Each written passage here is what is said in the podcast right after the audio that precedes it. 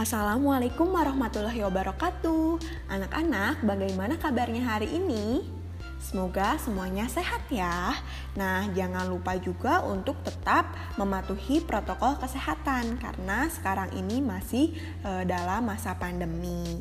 Anak-anak, hari ini kita akan belajar mengenai ekosistem estuari. Sebelumnya ada yang tahu apa itu ekosistem estuari? Baik, akan Ibu jelaskan saja ya. Nah, ekosistem estuari merupakan suatu komponen ekosistem pesisir yang dikenal sangat produktif dan paling mudah terganggu oleh tekanan lingkungan yang diakibatkan kegiatan manusia maupun oleh proses-proses alamiah. Estuari dapat disebut sebagai daerah peralihan atau ekoton antara habitat laut dan habitat air tawar.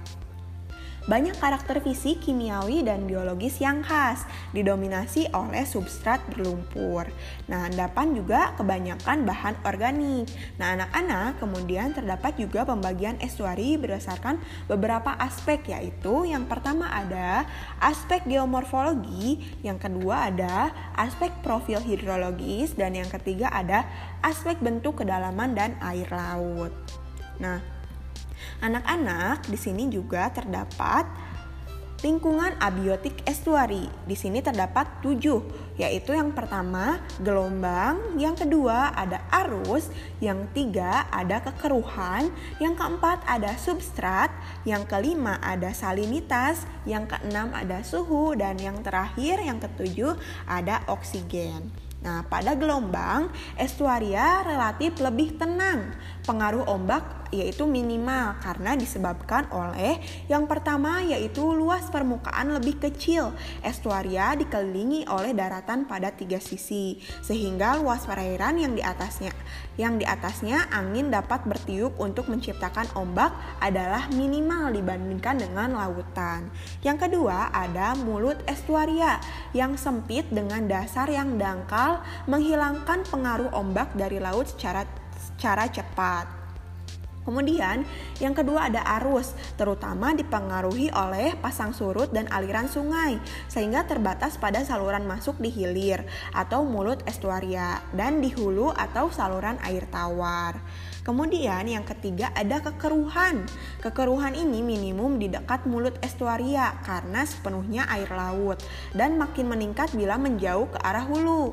Kekeruhan tertinggi terjadi pada saat aliran sungai maksimum.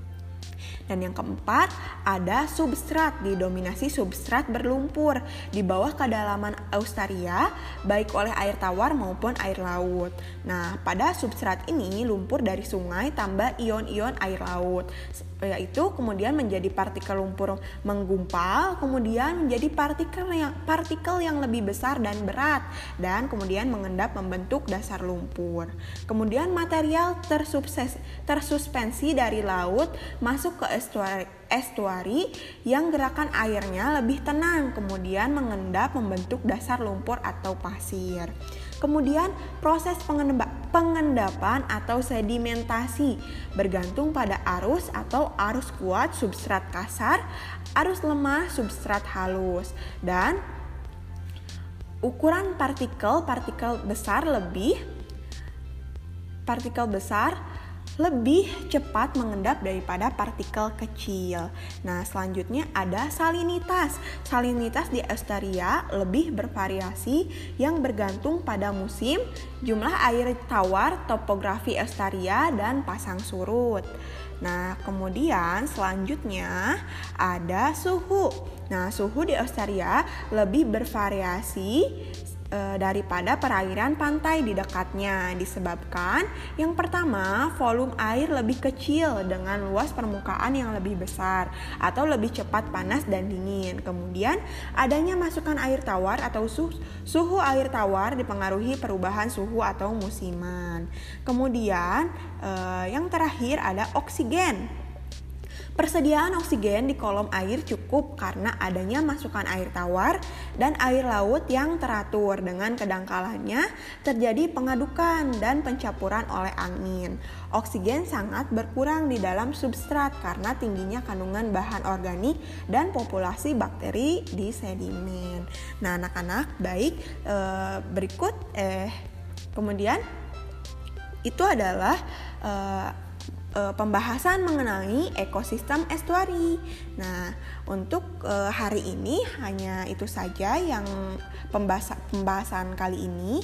Selanjutnya uh, sampai jumpa di pembelajaran selanjutnya. Wassalamualaikum warahmatullahi wabarakatuh.